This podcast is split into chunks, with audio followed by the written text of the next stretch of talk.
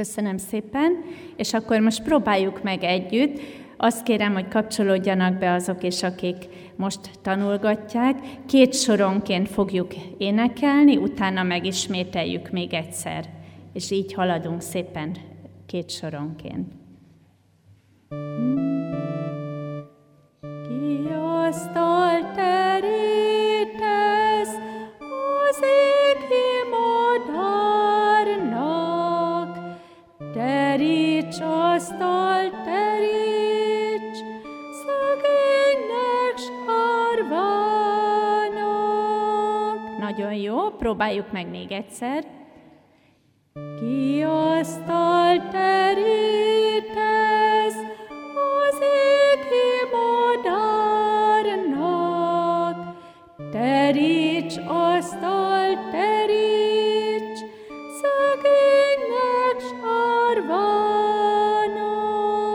Tovább. Nyújts ki, atyánk, nyújts ki, jóságos kezedet. Adj a koldusnak is tápláló kenyeret. Még egyszer nyújts ki. Nyújts ki, atyánk, nyújts ki, jóságos kezedet. Adj a koldusnak is tápláló kenyer. Ételben, italban. Ételben, italban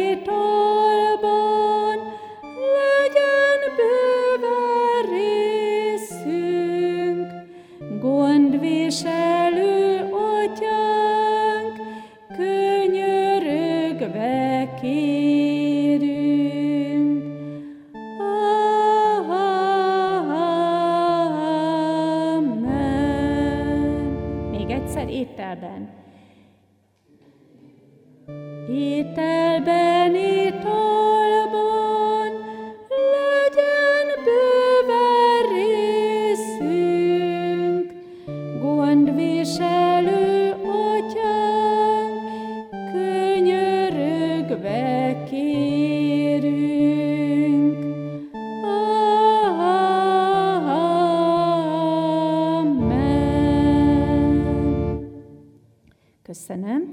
Akkor a kérdésem, van-e második verszakunk? Nincs? Akkor az első verszakkal most már úgy énekeljük, hogy legyen ez a mi kezdő imádságunk is egyben.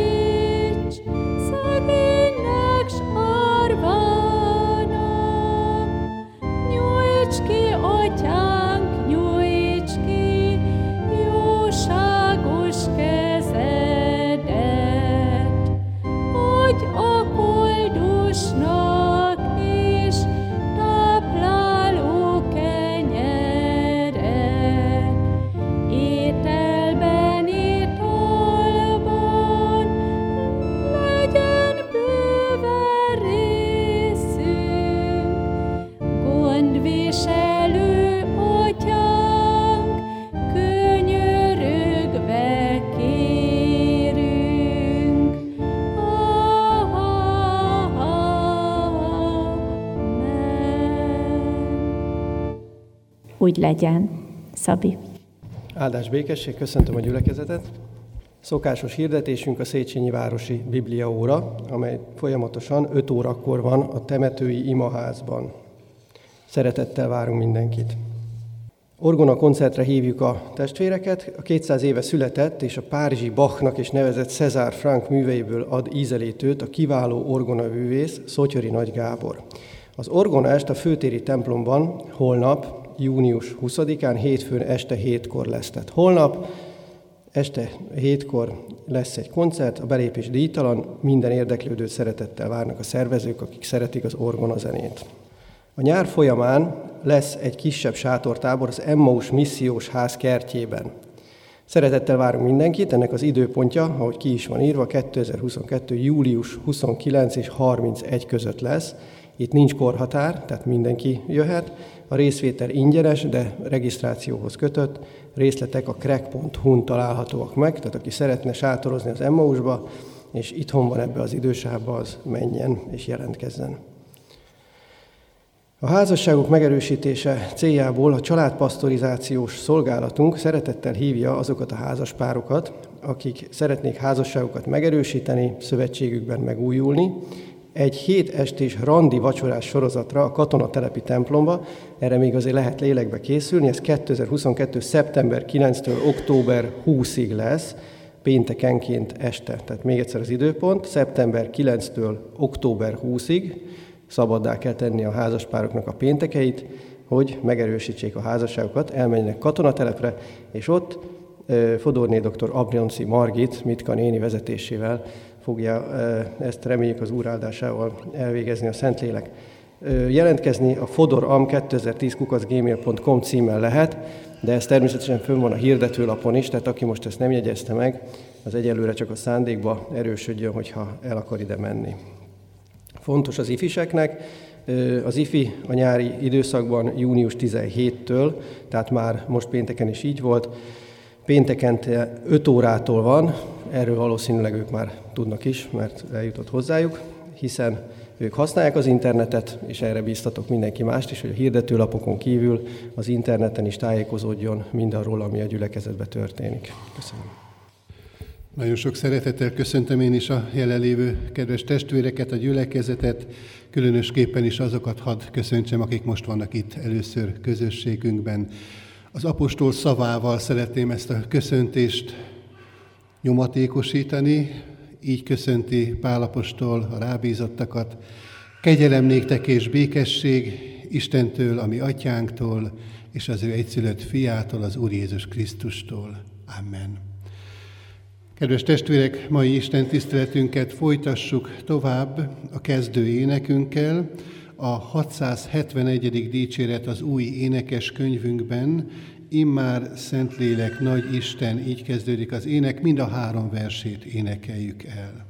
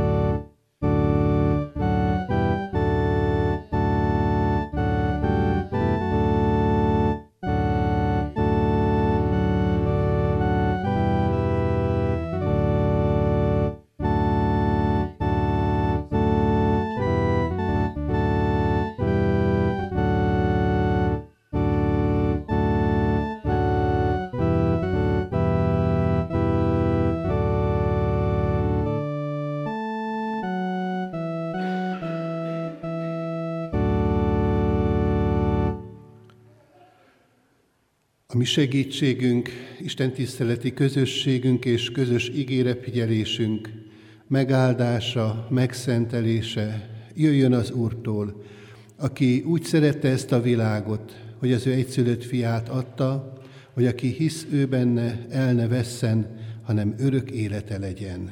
Amen. Kedves gyülekezet, hallgassuk meg most nyitott szívvel Isten írott igéjét, úgy, amint azt a Márk írása szerinti evangélium 36. fejezetének a 30. versétől kezdve olvashatjuk a Szentírásban. Áldás békesség! Az apostolok visszatértek Jézushoz, és elbeszélték neki mindazt, amit tettek és tanítottak. Ő pedig így szólt hozzájuk, jöjjetek velem, csak ti magatok egy lakatlan helyre, és pihenjetek meg egy kisé, mert olyan sokan mentek hozzá, hogy még enni sem volt idejük. Elhajóztak tehát egy lakatlan helyre magukban. De sokan meglátták és felismerték őt. Amikor elindultak, ezért minden városból összefutottak oda, és megelőzték őket. Amikor Jézus kiszállt és meglátta a nagy sokaságot, megszánta őket, mert olyanok voltak, mint a pásztor nélkül maradt vadjukok, és kezdte őket sok mindenre tanítani. De amikor az idő már későre járt, oda mentek hozzá a tanítványai, és ezt mondták neki. Lakatlan helyez, és az idő is már későre jár. Bocsásd el őket, hogy a környező tanyákra és falvakba menve ennivalót vegyenek maguknak. Ő azonban így válaszolt nekik. Hát ti adjatok nekik enni. De ők ezt mondták neki. Talán mi menjünk el, és vegyünk 200 dinárért kenyeret, hogy enni adhassunk nekik. Jézus megkérdezte tőlük, hány kenyeretek van? Menjetek, nézzétek meg. Amikor megnézték, ezt mondták, hát öt kenyerünk van, meg két halunk. Ekkor megparancsolta nekik, hogy ültessenek le mindenki csoportokba a zöld fűre. Le is ültek százas és ötvenes csoportokban. Jézus pedig vette az öt kenyeret és a két halat, feltekintett az égre, megáldotta és megtörte a kenyereket, majd átadta a tanítványoknak, hogy tegyék eléjük, és a két halat is elosztotta minnyájuknak. Miután mind ettek és jól laktak, összeszedték a kenyér darabokat, tizenkét tele kosárral, és azt is, ami a halakból maradt. Akik pedig ettek a kenyerekből, ötezren voltak, csak férfiak. Köszönöm szépen! Szeretettel köszöntök mindenkit, különösen a gyerekeket. A gyerekpercek következnek. Az lenne az első kérdésem hozzátok, hogy ki az, aki mostanában volt piknikezni? Aki nem tudná, mi az, hogy piknik, amikor szabad téren viszünk magunkkal általában hideg enni és innivalót, és azt ott elfogyasztjuk. Igen. Jó, akkor segítek, tehát az iskolás korúaknak főleg, de szerintem az ovisok is, mondjuk nincsnek most sokan itt a gyerekek közül, ö, osztálykirándulni biztos mindannyian voltatok, vagy ilyen ovis kiránduláson. Hát azt is tekinthetjük pikniknek, Ilyenkor az anyukák, ugye én is így próbálom csinálni, hogy ugye egész napra kell vinni ennivalót, hogy akkor legyen valami tartalmas szemvis, legyen benne zöldség, egy kis gyümölcs, és akkor persze egy kis nasi is azért. De mi van akkor, és ezen gondolkozzunk el, hogyha úgy kéne legalább egy fél napra pakolni, hogy csak két hozzávalót lehet vinni. Mi lenne az a két dolog, amitől jól is laktok. Tehát ugye ne a csokit meg a chipset mondjuk, mert ugye tudom, hogy az nagyon finom, de attól nem fogtok legalább fél napig nem éhesek lenni. Mi lenne az a kettő? És várom a, a jelentkezőket. Anna. Hát, hát a Biblia időkben igen, én azt gondolom, hogy a kenyér, tehát én biztos, hogy a kenyére tippelnék legelőször, de azt hiszem, hogy ha halat csomagolnék, hát még te megennéd, de biztos vagyok benne, hogy a gyerekek többsége nem nagyon. Esetleg van-e más ötlet a... Én a kenyére tippelek elsőként, tehát hogy az mindenképpen legyen ott. Esetleg, lá, ö, Blanka? Felvágott? Uh-huh. Gergő?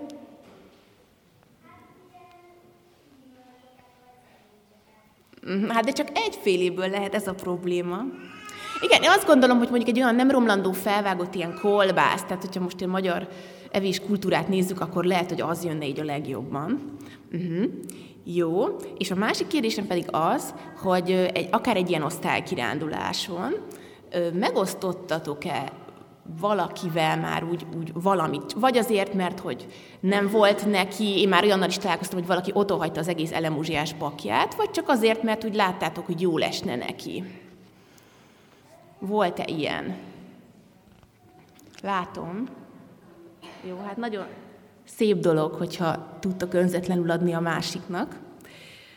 A mai gyerek alkalmon Jézus minket is egy piknikre hív, ami egyébként nem pikniknek indult, de egy kicsit az lett belőle, ahol egy kisfiú, egy kisgyermek jó voltából, aki önzetlenül lemond a ennivalójáról, lesz majd ennivaló, és itt szintén csak két összetevőből, hogyha Anna lányom nem lövi le a dolgot, akkor mondanám, hogy majd meglátjátok, hogy mi lesz ez a kettő, de nem csak meglátjátok most a gyerek alkalmon, hanem meg is lehet kóstolni. Úgyhogy várlak benneteket szeretettel. Hát én is szívesen mennék kóstolni, de most még egyelőre maradunk itt egy néhányan, viszont remélem, hogy együtt fogjuk kóstolgatni Isten jóságát ezen a mai alkalman is, úgyhogy most ezért fohászkodjunk együtt és imádkozzunk. Urunk Istenünk, mindenhatom mennyi atyánk az Úr Jézus Krisztusban. Köszönjük neked a te jóságodat. Köszönjük neked, Urunk, azt, hogy te megtartasz minket napról napra, és most is itt lehetünk a te kegyelmedből. Köszönjük, Urunk, azt, hogy nem csak megtartottál, hanem szeretnéd táplálni is a mi életünket. És köszönjük, Urunk, hogy ebben már volt részünk a nap folyamán, amikor testi eledelt vehettünk magunkhoz úgy érkezhettünk ide, erre az Isten tiszteletre, hogy nem korog a gyomrunk, és nem kell nélkülöznünk semmiben. Urunk, mégis a mi lelkünk sóvárokba vágyik a Te szavadra, a Te igédre, a Te üzenetedre, a Te jelenlétedre. És most ezzel az éjséggel érkeztünk ide, Urunk. Szeretnénk, hogyha megelégítenél minket. Szeretnél, szeretnénk kérni tőled, Urunk, azt, hogy táplálj minket lelkileg, hogy lássuk azt, hogy Te nem csak a testünkről, hanem a mi lelkünkről is gondoskodó Atya vagy. Így ezzel a reménységgel könyörgünk a Te szent lelkedért, Urunk. Áraszt ki reánk, áld meg a gyermekeket a gyermekisten tiszteleten. Áld meg, Urunk, a mi ígére figyelésünket itt, a felnőtt Isten tiszteleti részben. És kérünk, Urunk, minden Isten tiszteleti alkalomért, ahol most együtt vannak a Te nevedben, a Te lelki gazdagságodból hadd jusson mindenkinek elegendő. Jézus nevében kérjük ezt tőled. Amen.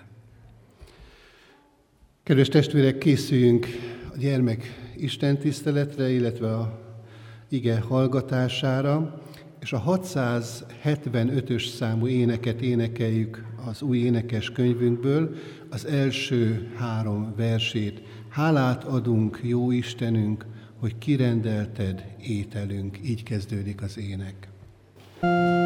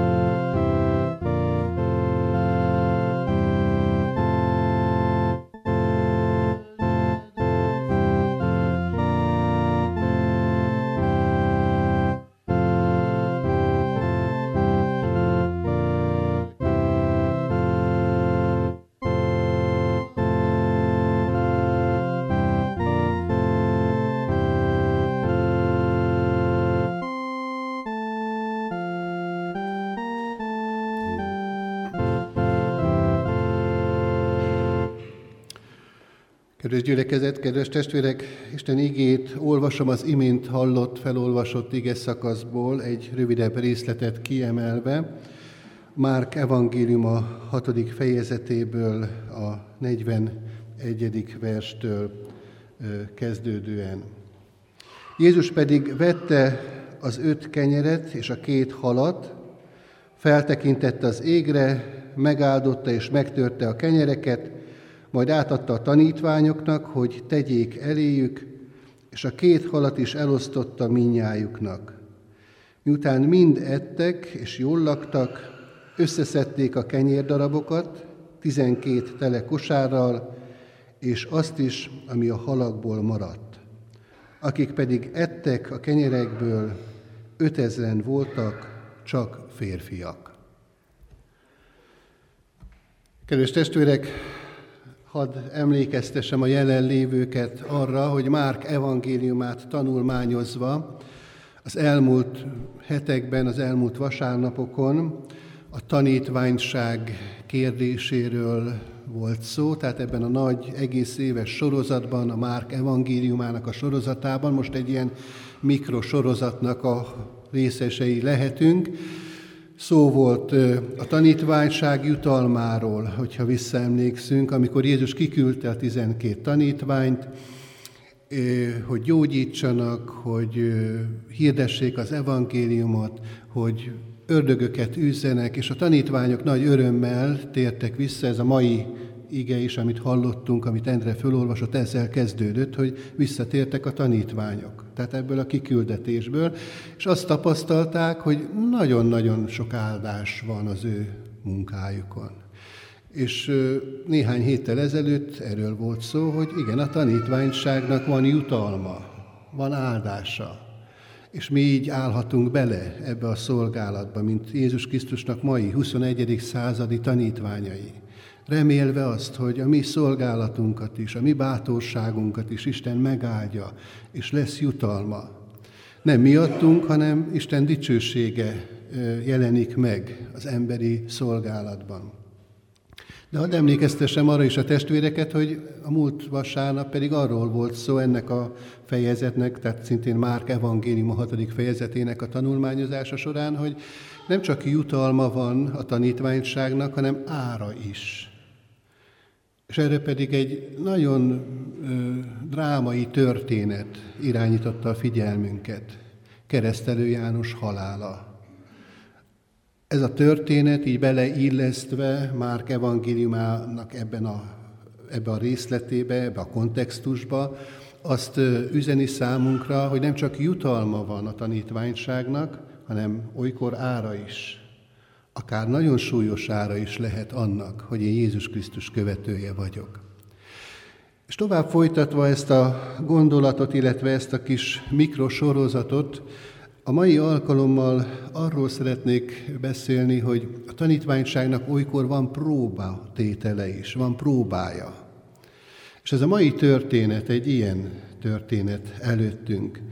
Az 5000 ember megvendégelésének a története. Nyilván, hogyha magát az egész történetet látjuk magunk előtt, akkor azt gondoljuk, hogy hát ez egy, egy happy endes történet. Olyan szépen zárul a vége, minden rendben van. Mi itt a próbatétel, hogyan kerül ez a gondolat bele ebbe a történetbe. Most hát, kedves testvérek, induljunk ki abból, hogy Jézusnak egy újabb csodatétele van előttünk, ebben a történetben. És a csoda sajátossága az, hogy nincs rá racionális magyarázat. Az emberi értelem nem tudja megmagyarázni a meglévő ismeretei alapján azt, ami történik. És ezért irracionális az, aminek részese. És a csoda az mindig egy ilyen irracionális esemény az ember életében. De nagyon érdekes, és vegyük ezt észre az 5000 ember megvendégelésének a történetében, hogy adatoknak, kézzel fogható tényeknek a tömkelegével találkozunk ebben a történetben. És már is sorolom, hogy mire gondolok. Ugye volt szó arról, hogy volt egy kisfiúnak, ez a János evangéliumában történt ez a feljegyzés, erről a történetről, egy kisfiúnál volt két hal, öt árpa kenyér. Tehát már is két adat van előttünk. Aztán a tanítványok gyorsan kiszámolják, hogy ezt az óriási tömeget, amely körülveszi őket, és illetve Jézust hallgatják, hát 200 dénár áru kenyér sem lenne számukra elegendő. Egy újabb adat áll előttünk ebben a történetben. Aztán nagyon érdekes az is, hogy Jézus, amikor a tanítványok odalépnek hozzá egy kéréssel, tanácssal, bocsássa el a sokasságot, akkor Jézusnak egy más elképzelése lát napvilágot, és azt mondja a tanítványoknak, hogy ültessétek le őket. És milyen érdekes, azt mondja Jézus, hogy ne csak úgy valahova, hanem úgy ötvenesével, meg százasával, szépen rendbe, meg lehessen őket számolni egymás mellé. Aztán milyen érdekes az is, hogy újabb adat kerül elénk ennek a történetnek az olvasása során. A végén a maradékról kiderül az, hogy 12 telekosárral lesz. Hát miért jegyezték ezt fel az evangélisták? Egy ilyen irracionális történet közepette pont ezt az adatot. Titok ez számunkra, de minden esetre arra figyeljünk oda, hogy, hogy miközben ez a csoda előttünk van, az 5000 ember megvendégelések a története, és már nem tudom, hanyatszor mondom, ugye, hogy 5000 emberről, illetve pontosabban szó a férfiról van itt szó. Ez is egy újabb adat előttünk. Tehát itt van egy történet, amit csodának minősítünk, vagyis irracionális, sok-sok racionális elemmel. Ez egy érdekesség, amire szerintem mindenképpen érdemes odafigyelnünk. Annál is inkább, mert nagyon sokakban a Biblia világa az irracionalitásnak a világa. És ez egyáltalán nem igaz. Nagyon érdekes volt számomra annak meghallása, hogy amikor egy világi képzésen vettem részt, egy vezetői képzésen, akkor a vezetés elméletet tanító szakember a Bibliára hivatkozott, hogy ott van lefektetve a vezetés elméletnek a legalapvetőbb tézise. És akkor hozta elénk Mózes történetét, aki ugye apósa Jetró tanácsára 70 vént választott ki, mint vezető társat, mert egyedül nem bírta ezt a vezetői terhelést, ami volt rajta. De hadd mondjuk egy másik érdekességet, akik esetleg a matematika világában élnek jobban benne. Itt van előttünk a Királyok első könyvének a hetedik fejezetében, a 23. versben egy nagyon érdekes adat, és ezt a matematikusok vették észre, hogy ott tulajdonképpen a pi értéke van szépen körülírva. És ott nem másról van szó, de talán föl is olvasom, hogy még egyértelműbb legyen, mint a Jeruzsálemi templom felszentelésén előtti pontos adatok, hogy mi került a Jeruzsálemi templomba, aztán elkészítette az öntött medencét, amelynek egyik pereme a másik peremétől tíz könyöknyire volt, körölakú, és öt könyök magas volt, és harminc könyök hosszú zsinór érte körül. Nos, hát a matematikusok ebből a néhány számadatból a pi értékre csodálkoztak rá, hogy itt van a Bibliában. Ezt csak azért mondtam így érdekességképpen, hogy a Biblia világa az nem az irracionalitásnak a világa. Van benne persze sok csoda, kétségtelen. De az, amit mi csodának vélünk, azt, amit mi irracionalisnak gondolunk, az az Isten világában a legtermészetesebb dolog lehet. Csak mi gondoljuk annak.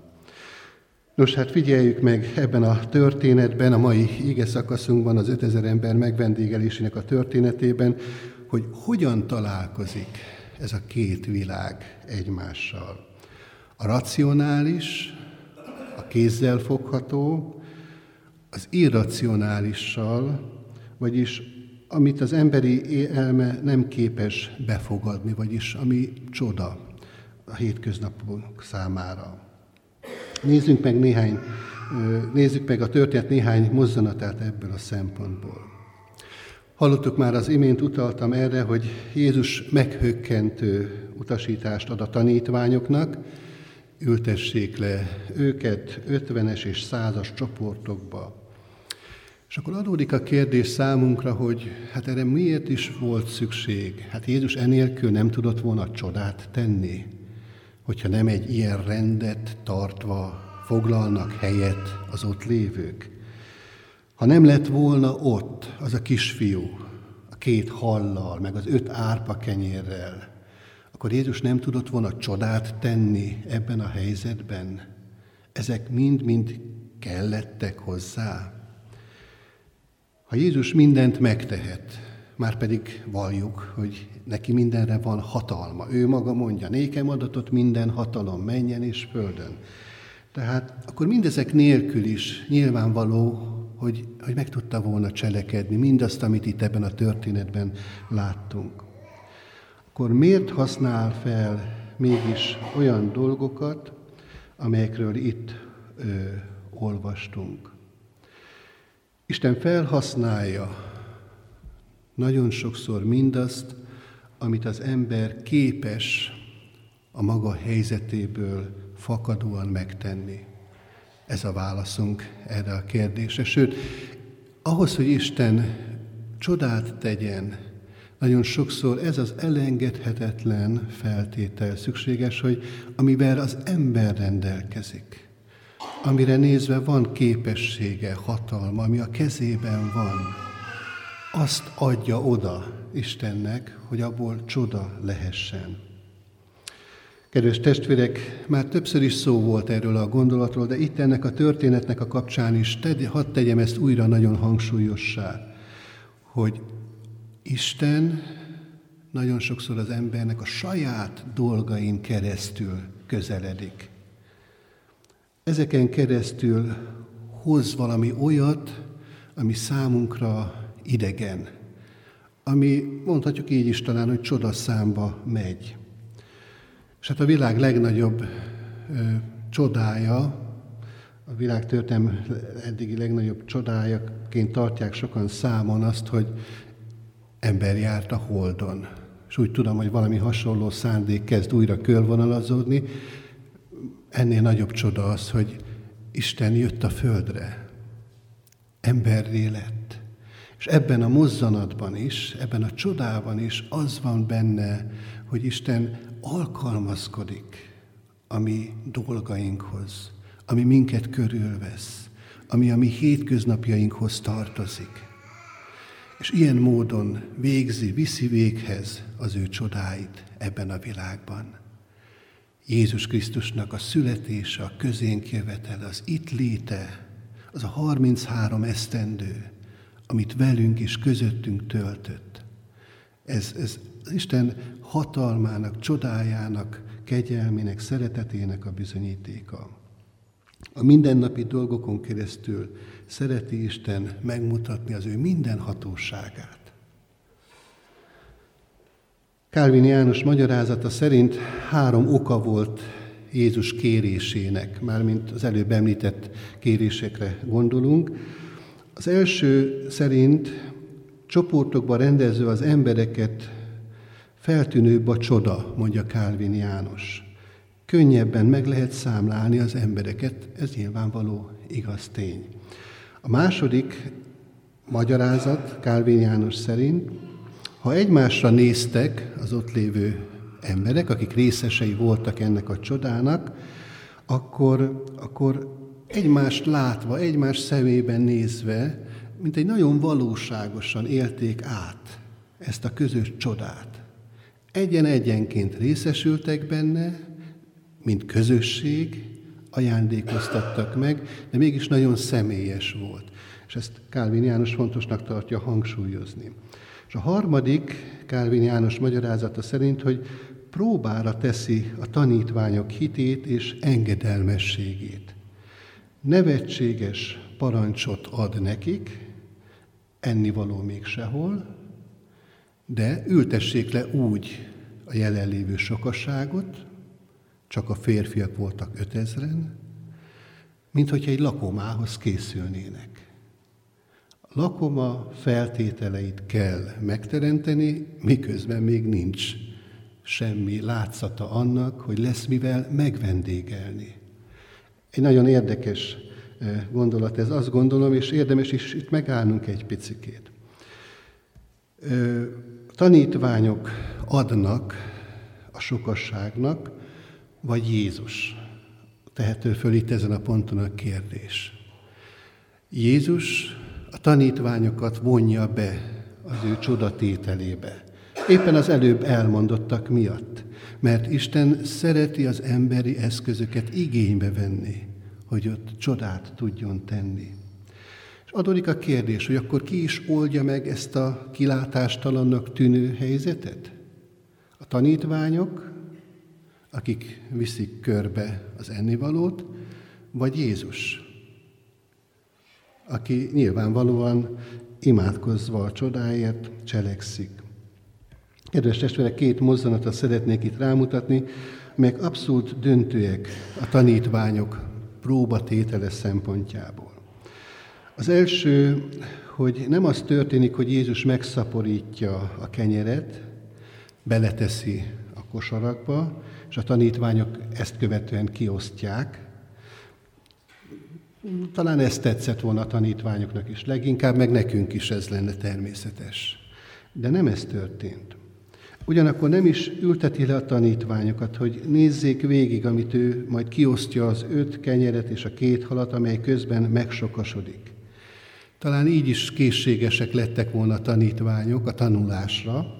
Jézus azonban veszi, ami van, hálát ad az atyának, megtöri a kenyeret, és a tanítványoknak adja, akik tovább osztják.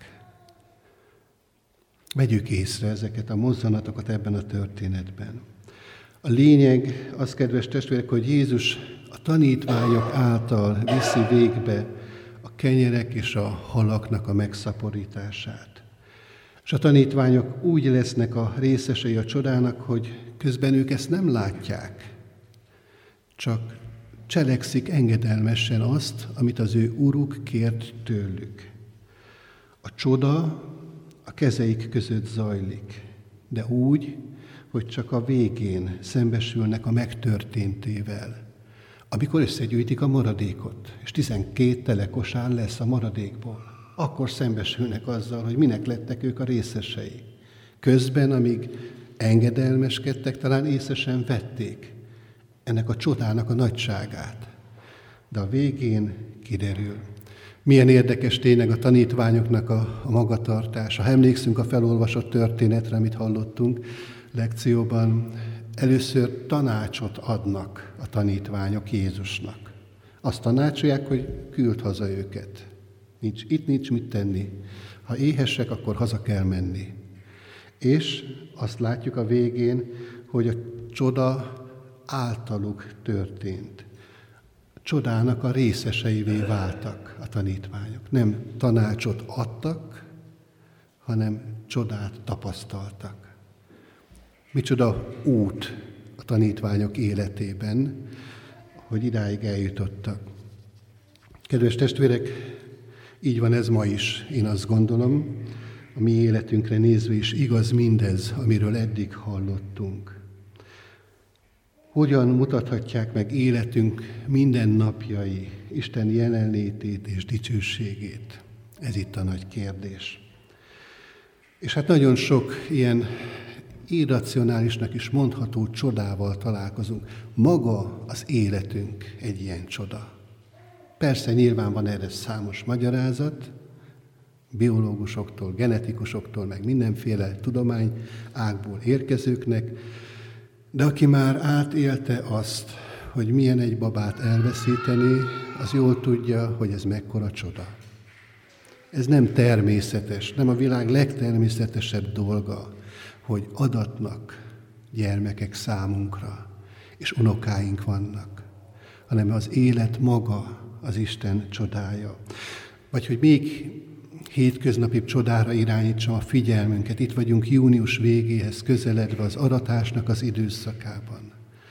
A vetés és az aratásnak a csodája is. Itt van előttünk, csak talán nem veszük észre, mert ezt is a természetes kategóriába soroltuk már. Kedves testvérek, az életünk során nagyon sokszor végzünk különféle kalkulációkat, hétköznapi életünkben, dolgainkat illetően, számításokat, hogy csak más példát nem mondjak, hogyan jövök ki a havi keresetemből, vagy éppen a havi nyugdíjamból, és hányan és hányan éltük már azt a csodát át, hogy kijöttünk belőle. Pedig nem úgy indult a hónap, vagy nem úgy éltük meg a hónap közepét. És mégis megtapasztaltuk, a számításaink ellenére Isten megtartott minket, valami módon megőrizte a mi életünket. Hamar felborul a mi számításunk. És nagyon fontos éppen ezért, hogy amikor számításokat, kalkulációkat végzünk, akkor a józan számításon fölül, ami nyilvánvalóan hozzátartozik a felelős tervezéshez, akkor, akkor gondoljunk arra, hogy Isten mindezeknek a megtartója, a létrehozója, az alkotója. És amikor számítgatunk, akkor, akkor legyünk bátorságunk, figyelmünk arra, hogy ő vele is számolunk. Mert mi sokszor a számítgatásaink során odáig jutunk, hogy ne nyújtózkodjunk tovább, mint amíg a takarónk ér. Szoktuk is ezt mondani. Ez kétségtelenül igaz, és nem is szabad, hogy ezt a szabályt úgymond figyelmen kívül hagyjuk. Hát itt vannak előttünk a tanítványok is. Hát ők is számoltak. 200 dénár áru kenyérre lenne itt, vagy még többre szükség. Kiszámolták, pontosan tudták, és azt is megállapították, hogy ez kevés, ami nekik van. Tehát végeztek számításokat a tanítványok. De, és itt jön a lényeg, Jézus egy másfajta számítással kalkulál ebben a helyzetben, az Isten hatalmával. Nem azt mondja Jézus, hogy ne számoljatok a pénzzel, hanem azt mondja Jézus, hogy számoljatok az Istennel. És kedves testvérek, ezt szeretné Isten ma a szívünkre helyezni, ezen az igén, ezen a történeten keresztül hogy miközben nagyon sok mindennel kalkulálunk, nagyon sok mindennel számolunk, nagyon sok mindent tervezünk, teljesen normális módon. Ez a dolgok legtermészetesebb rendje, és felelőtlenség lenne sokszor ezt a lépést kihagyni, akkor, akkor azért ne felejtsük el, hogy a, a kalkulációnkban, a tervezésünkben, a számítgatásunkban ott van az Isten aki pedig mindent fölül is írhat, de ugyanakkor mindent meg is áthat, mind abból, amit elé viszünk tervként. Nos hát a racionalitás és az irracionalitásnak a kérdése van itt előttünk. És ez tulajdonképpen már a hitnek a kérdése. Ezen a mesdjén átlépve a hitnek a területére jutunk. És nekünk, református keresztény embereknek, hogy így mondjam, könnyű dolgunk van. Mert vannak hitvallási irataink, többek között a Heidelbergi KT-t hadd említsem, amelyek, amelyben nagyon szépen, ugyan évszázadokkal ezelőtt, nagyon patinásan megfogalmazták a legfontosabb hitbeli igazságokat. Például arra nézve is született válasz, hogy mi az igaz hit. És hát tudjuk jól, hogy ez a 21. kérdés felelet, és bizonyára egyből ott is van a gondolat a szívünkben, hogy hát nem csak az a bizonyos megismerés, melynél fogva igaznak tartom mindazt, amit Isten az ő égében számunkra kijelentett, és folytathatnánk végig a KT kérdésre adott választ, de a lényeg az, hogy ebben a válaszban ott van három nagyon fontos gondolat. Egyrészt a megismerés. Tehát megismerhető dolgokat nekünk keresztény emberként figyelembe kell venni, alapul kell venni. Isten maga is megismerteti velünk magát a Szentíráson, a kijelentésen keresztül. De folytatódik tovább a KT válasz, és azt mondja, nem csak az a bizonyos megismerés, hanem szívbéli bizalom is a hit. És az a kérdés, hogy mi tudunk-e teljes szívünkkel Istenre hagyatkozni, benne bízni. Nem csak az ismereteinkre hagyatkozni, hanem szívbéli bizalommal az Isten felé fordulni. És a tanítványoknak a hit próbája, a tanítványságnak a próbája itt ezben a történetben itt van, hogy hogyan tekintenek Jézusra. És aztán később majd Jézus ezt föl is emlegeti, egy későbbi alkalommal Márk evangélista ezt följegyzi, hogy hát, nem láttátok a kenyerek csodáját, meg majd a viharos tengernek a lecsendesítését, és, és mégis hitetlenek vagytok.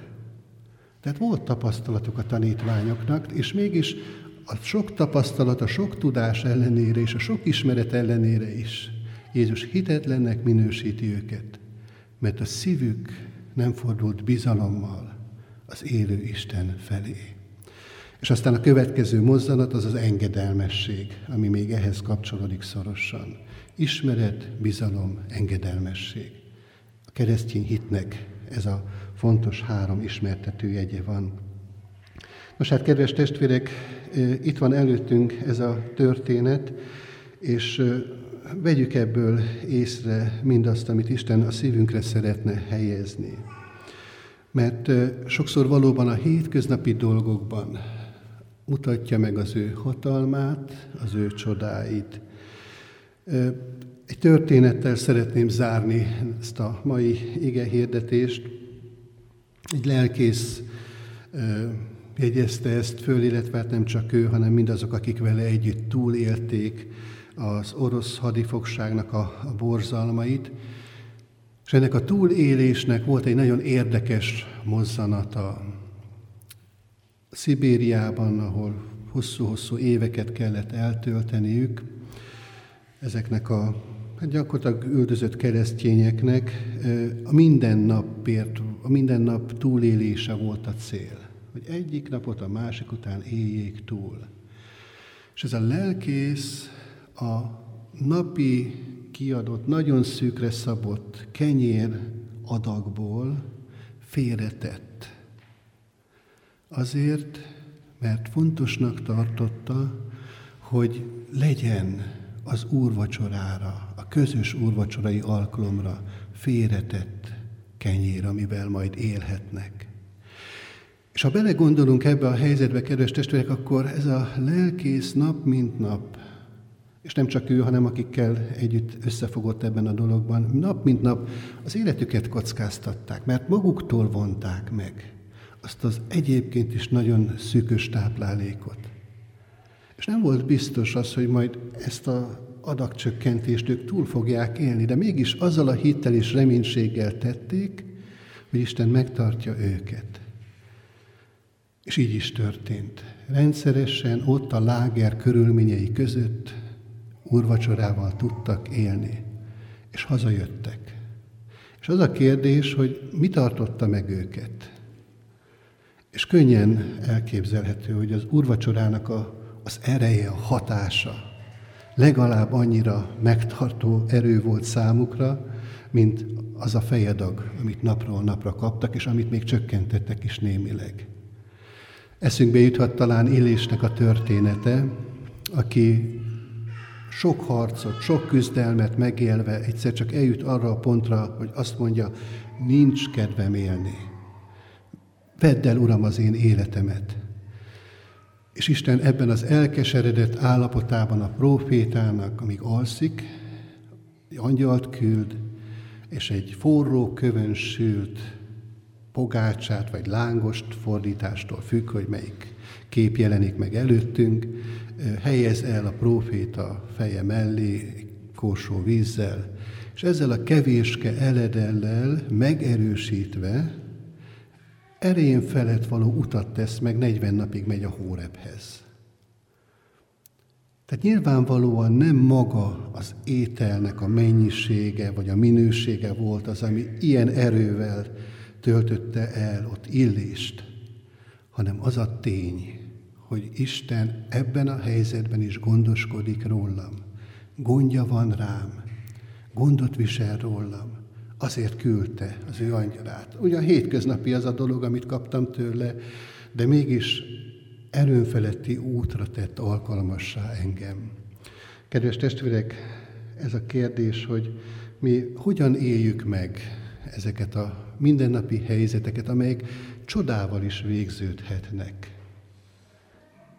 Sokszor a mi imádságunkban ott van az a tanácsolása az Úr Jézusnak, hogy Uram, ezt add meg, meg azt add meg, és akkor majd úgy minden szépen kikerekedik, és közben nem vesszük észre, hogy Isten azokat a dolgokat, azokat az egyszerű eszközöket szeretné használni általunk a mi életünkben, amit tőle kaptunk, és amikre talán oda sem figyelünk.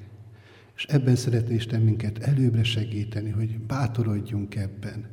És ez a tanítványságnak a próbája tulajdonképpen, hogy merjük-e ezt ilyen módon megélni a hétköznapokban. És hogyha igen, akkor pedig remélhetjük azt, hogy a tanítványságnak lesz áldása, ahogy erről már volt szó. Olykor van ára is, ahogy szintén erről is beszéltünk már. De a próbatétel után adatik a bizonyosság, hogy, hogy mi az Úr gyermekei vagyunk, és szeretnénk is azok maradni, mert, mert áldás van azokon, akik az Úréi. Adja Isten, hogy ebben megerősödjünk mindannyian. Amen. Kedves testvérek, énekeljük a 281. dicséretünket. Szintén az új énekeskönyv száma ez az első három versét, mely így kezdődik, mondjatok dicséretet.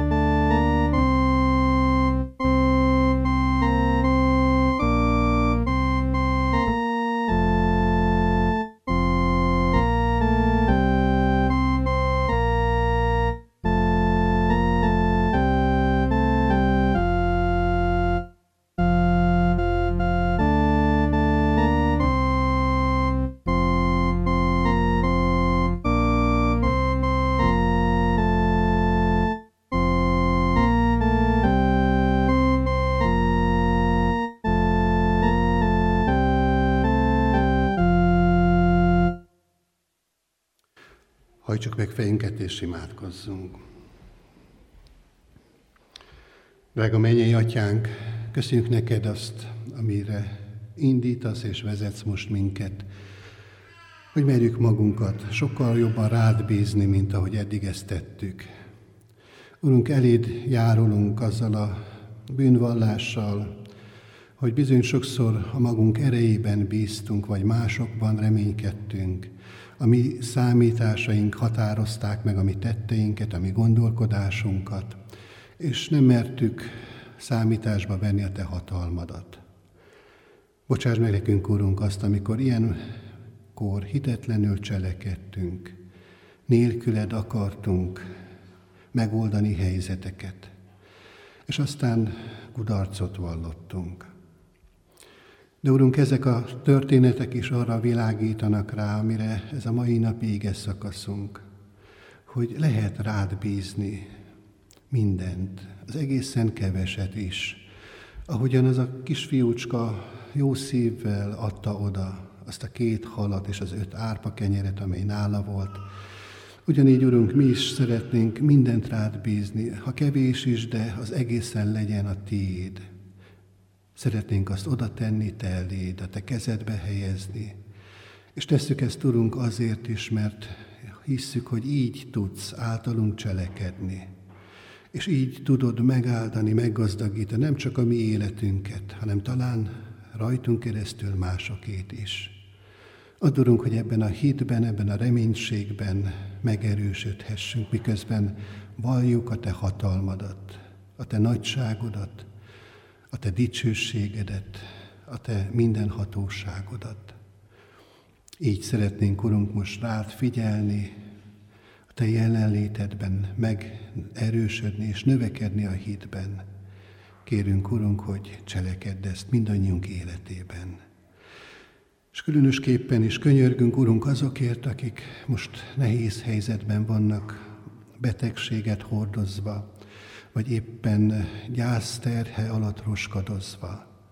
Urunk, Te légy velük, Te őrizd meg őket a reménységben, a hídben, és Te adj nekik, Urunk, gyógyulást, hogy az a seb, az a lelki sebzettség, amely most ott van a szívükön, az Te általad gyógyulhasson.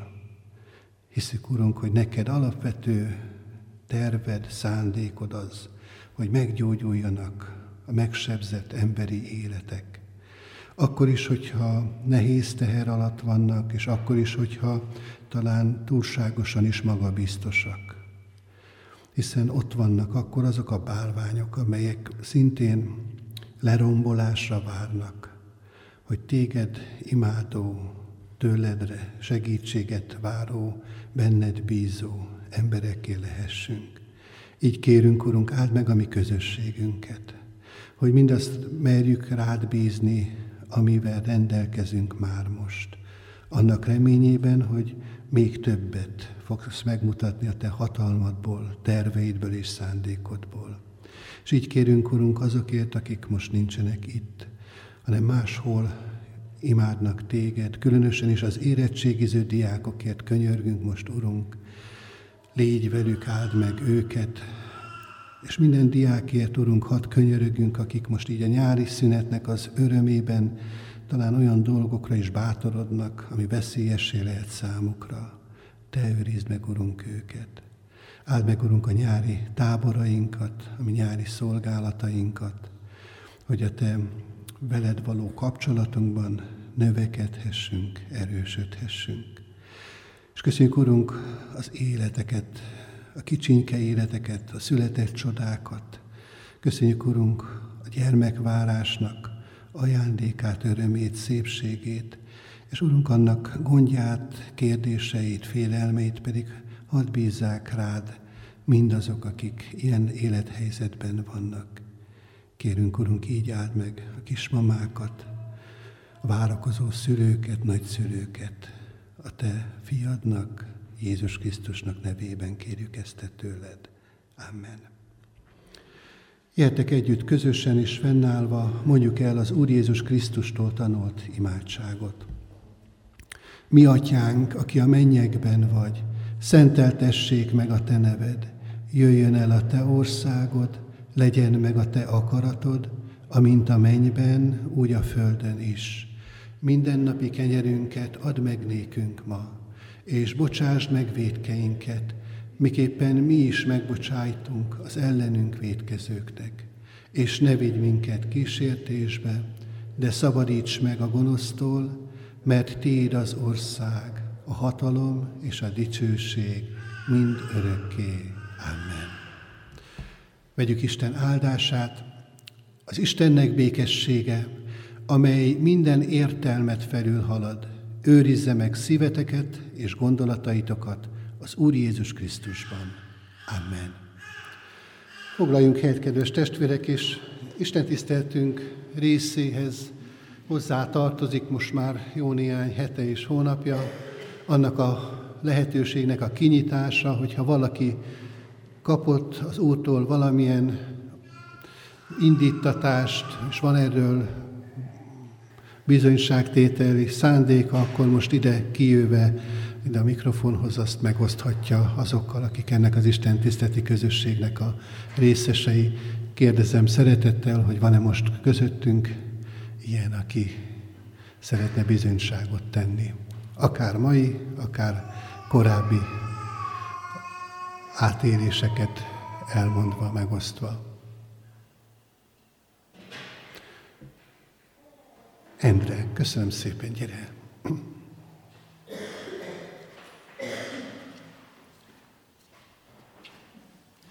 Áldás békesség. Hát az egész életem egy ilyen csoda volt, és most is az. Kis apró dolgok ezek, de észre kell venni, hogy ugye tudja mindenki a betegségemet, vagy volt betegségemet. Elmentem az orvoshoz, két hónapot adott, hogy majd akkor megvizsgál.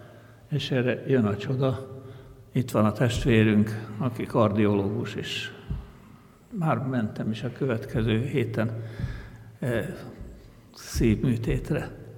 De az egész életem ilyen volt.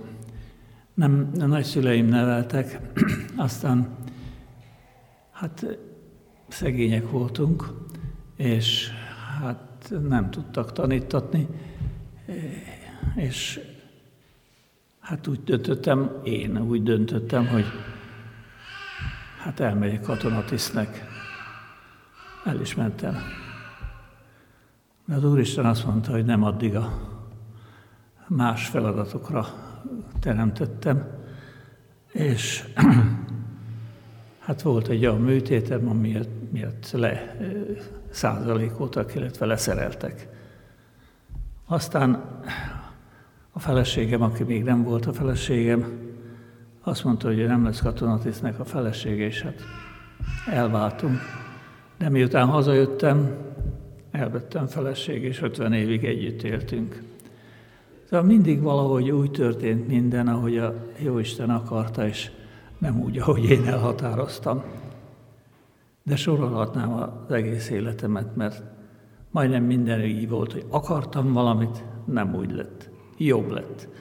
És én nagyon boldog vagyok, hogy ezt így elkönyvelhetem. Én sokkal hosszabban szerettem volna ezt elmondani, de hát nem akarok visszaélni tényleg a jelenlévőknek a türelmével. Úgy érzem, hogy az Úristenek megvan az a hatalma az emberek döntése fölött, hogy fogja magát és fordít egyet rajta. Hát mesélhetnék, hogy hogyan lettem nem hívő, miután nagyon hívőnek nevelt a nagyanyám, hogy rémültem el a más világtól, meg hogy az Isten szeme mindent lát el, ne odaléni át, hogy szokták mondani, hogy féltem a képektől, meg minden, és azt mondtam, nem akarom, nem akarom. Aztán debreceni diák lettem a kollégiumba, érdekes módon csavart egyet a sors, illetve hát maga Jóisten. Aztán hát jött 56, aztán hazajöttem, és a katona gimnáziumba végeztem végül is. De minden másképp lett, mint ahogy elképzeltük, elképzeltem. De valahogy érdekes módon a jó Istennel, vagy hát így idézőben nélküle mindig velem volt. Tehát bármilyen feladatot kaptam az életbe, vezető voltam, meg, meg sok minden más, de mindig bennem élt valahol a hit. Ez nem olyan itt volt mindig, hogy letérdeltem, aztán imádkoztam, hanem a cselekedetekben. Tehát vezetőnek is igyekeztem olyan lenni, hogy, hogy éljen bennem az, hogy megértsem azt az embert, vagy igyekezek egyenes úton élni. Úgyhogy én úgy érzem, hogy nagyon sokat köszönhetek a jó Istennek. Most is például a fölépülésemet teljesen rábíztam. Nem volt könnyű, de, de úgy érzem, hogy most megint velem van, és nagyon szívesen szolgálok ebbe a közösségbe, mindaddig, ameddig igény van rá. Köszönöm szépen. Amen. Is köszönjük szépen Endrének ezeket a szavait, amelyekből megtudhattunk valamit, de én úgy éreztem a szavakból, hogy ez bátorít is minket arra, hogy kérdezzük még Endrét, mert van itt még történet, amit most nem osztott meg velünk, és én valóban már hallottam is egy néhány fontos történetet, tehát bátorítok mindenkit arra, akinek van ideje, beszélgessünk úgy általában is egymással, de Endrét is jó szívvel ajánlom ilyen szempontból mindannyiunk figyelmébe. Istennek legyen dicsőség mindazért, amit Endre életében elvégzett, és ahová őt elvezette. Van-e még esetleg valakiben olyan gondolat, amit szeretne megosztani? Noémi. Áldás békesség, köszöntöm a gyülekezetet, én egy munkahelyi történetet szeretnék megosztani. Tanár vagyok, és bizonyára akár a tanár, akár a diák oldalról nézzük, a dolgozatírás során történő szabályszegés vagy tisztességtelenek eszközök használata sehol nem díjazandó, és akkor én egy diákot a puskázás gyanújával a dolgozatírás során úgymond felfüggesztettem, és az a dolog történt, hogy az órát követően még a tanórán véget sem ért, és a diáknak a szülője ott várt engem a az osztályteremnek az ajtajában, és számon kért, hogy én mit követtem el, tehát villámgyorsan terjednek ugye az információk a mai világban, és azt kaptam, hogy akkor a szülő kivizsgálást kér, és fel fog jelenteni az oktatási hivatalnál, mivel hogy nem írhatta meg a gyermek a dolgozatot, a telefonja volt elől, ennyit kell tudni, és dolgozatírásnál az a szabály, hogy a telefont, illetve a felszerelést a táskába tesszük, és akinek a telefon mégis az asztalon marad, az a puskázás gyanújába kerül, és nagyon vehemens volt a szülő, sok mindennel fenyegetőzött, és azt kell tudni, hogy ezen a reggelen az volt a bibliai ige, hogy ne féljetek, az Úr harcol értetek. Hát nem tudtam, hogy miféle harcra lehet gondolni így reggel 8 órakor, és uh, utána ez a történet még tovább folytatódott, hogy tényleg történt egy kivizsgálás igazgatósági szinten, és én elmondtam az én részemet, a szülő is elmondta az ő részét. Ugye egy picit azért izgalmas a történet, hogy nyilván egy szülő nincs bent a dolgozatíráson, így amit elmond, az ugye a gyermek elmondásából ö, ismerhetjük meg, de a történet valahogy nem csengett össze sehogy, és az aznapi igerész az az volt, hogy Dávid legyőzte Góliátot. És zárójeles megjegyzésként csak annyit szeretnék elmondani, hogy nyilván én is végeztem egy kalkulációt, tehát az oktatási jogok biztosának hivatalát kerestem meg, és ott kaptam egy egyértelmű állásfoglalást, hogyha egy ilyen szabálysértés történik, akkor én bizony jutalmazhatom a diákot egy elégtelennel, hogy nem csak a magatartását, hanem a tantárgyi tudását is elégtelennek minősíthetem, és igazából én úgy éreztem, hogy a, az Úr engem itt megvédett és felbátorított arra, hogy igenis álljak ki a tisztességes dolgok mellett, és jó volt azt tudni, hogy így értsétek jól, vagy értsék jól, így látatlanba bízhatok az Úrban, hogy ő előre megígérte, hogy harcol értem, és győzelmet ígért annak ellenére, hogy nem tudtam, hogy milyen módon fog ez megtörténni tenni. Hát nagyon szépen köszönjük ezt a tanulságos történetet is, és valóban arra irányítja a figyelmünket, hogy ez a mi keresztény hitünknek és reménységünknek a nagy-nagy ajándéka, hogy nem csak jogokra és sok minden másra számíthatunk, meg, meg jogbiztonságra, hanem az Úristennek az oltalmára, védelmére, aki tényleg sok mindenben bátorít minket, és akkor így előbbre is merünk lépni olyan dolgokba, amiben talán egyébként bátortalanak lennénk. Hála és dicsőség legyen Istennek ezért az eseményért is. Kedves testvérek, van-e még esetleg valaki részéről gondolat, akkor köszönöm szépen, és örülök annak, hogy az Isten tiszteltünket úgy fejezhetjük be, ahogyan elkezdtük, vagyis a gyerekekkel együtt, közösen a záró éneket fogjuk elénekelni, mely a megkezdett 281. dicséretünknek további négy verse. A negyedik verstől kezdve énekeljük tovább, Szent Uram, a Te neved, így kezdődik a negyedik vers.